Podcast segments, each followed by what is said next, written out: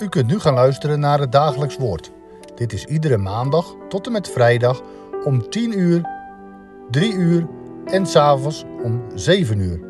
Deze meditatie wordt verzorgd door dominee Jongeneel.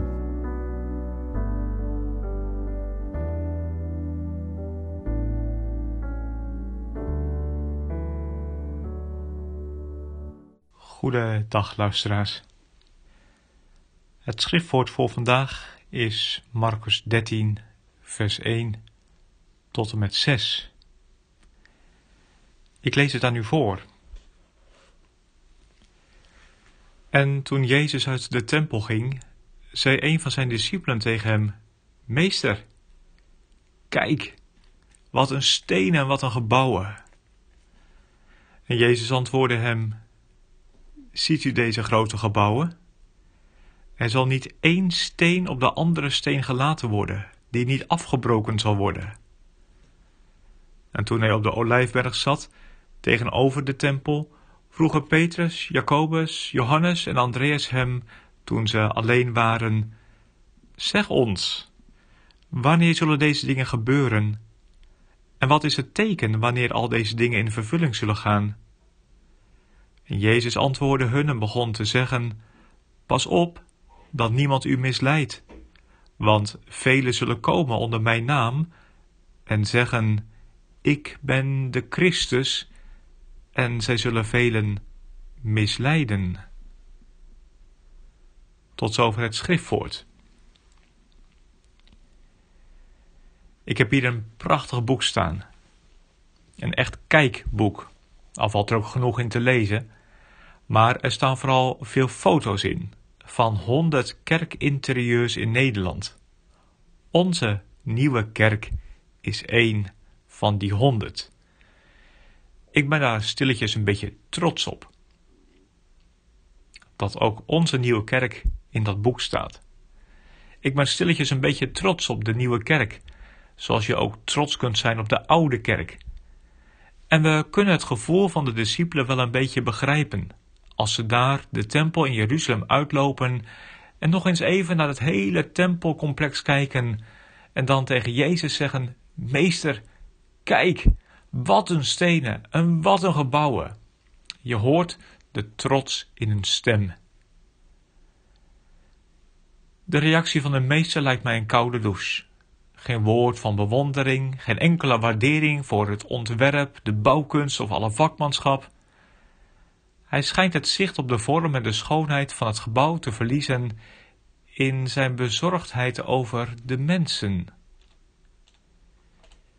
Ziet u deze grote gebouwen, zegt hij. Er zal niet één steen op de andere steen gelaten worden, die niet afgebroken zal worden.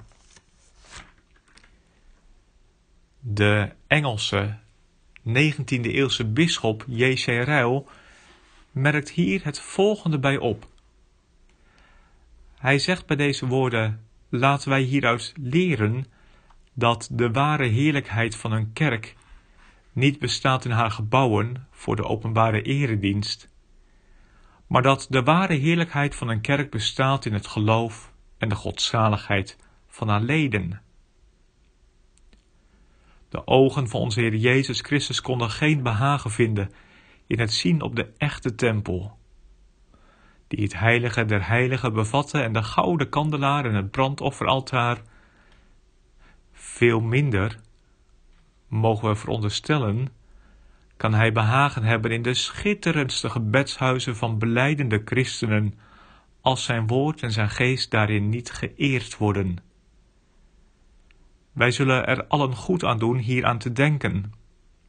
We zijn van nature geneigd de dingen op hun uiterlijke verschijning te beoordelen, zoals kinderen klaprozen mooier vinden dan graan. Wij zijn al te zeer geneigd te veronderstellen dat er wel iets van ware godsdienst moet zijn als er een statig kerkgebouw en een schitterend ceremonieel is, als er gebeeldhouwde stenen en gebrandschilderd glas, mooie muziek en schitterend uitgedoste predikers zijn. En toch is het mogelijk dat daar helemaal geen godsdienst is Het kan alles vorm zijn en show en strelen van de zintuigen. Daar is mogelijk niets om het geweten gerust te stellen, niets om het hart te genezen.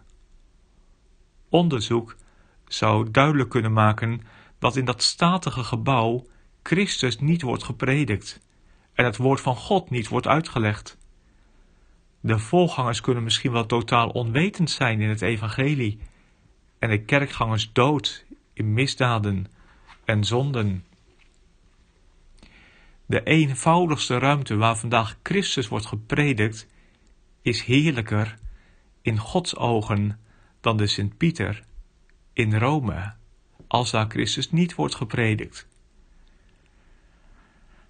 Laten we echter niet in het andere dwaze uiterste vervallen door te veronderstellen dat het er niet toe doet wat voor soort kerkgebouw wij inrichten voor de dienst van God. Het is niet verkeerd als we een kerk mooi maken.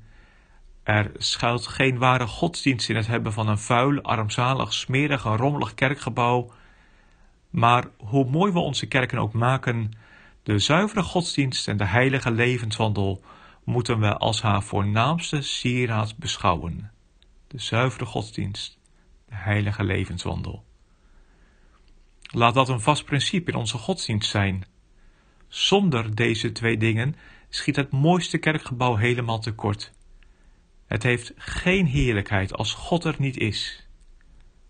Met deze twee dingen, de zuivere godsdienst en de heilige levenswandel, met deze twee dingen is het eenvoudigste stenen gebouwtje waar het evangelie gepredikt wordt, lieflijk en prachtig. Het wordt geheiligd door Christus aanwezigheid en de zegen van de Heilige Geest zelf. Tot zover J.C. Rijl. En toen dacht ik aan dominee Lau Bonen, predikant van de oud-gereformeerde gemeente in het Zeelse dorpje Sint-Philipsland, Flipland. Op 8 juni 1925 gaf hij in Sint-Philipsland een rondleiding door de kerk aan de commissaris van de koningin. En die merkte op en die zei tegen hem: U hebt een grote gemeente. Ze mocht u wel eens een nieuw, nieuwe kerk cadeau doen, want aan deze is niet veel sieraad. Waarop de predikant antwoordde: Dan ziet u het niet. Want het sieraad aan deze kerk zijn verbroken harten en verslagen zielen.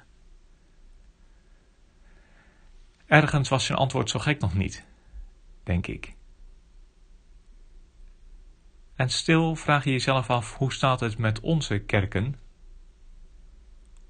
Hoe staan we ervoor?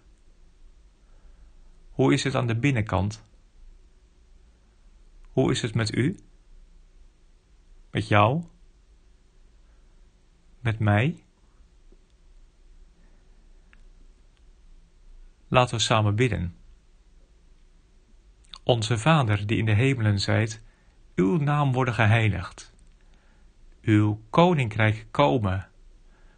Uw wil geschieden, gelijk in de hemel zo ook op de aarde.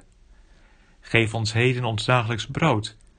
En vergeef ons onze schulden, gelijk ook wij vergeven onze schuldenaren en leid ons niet in verzoeking, maar verlos ons van de boze, want van u is het koninkrijk en de kracht en de heerlijkheid tot in eeuwigheid. Amen.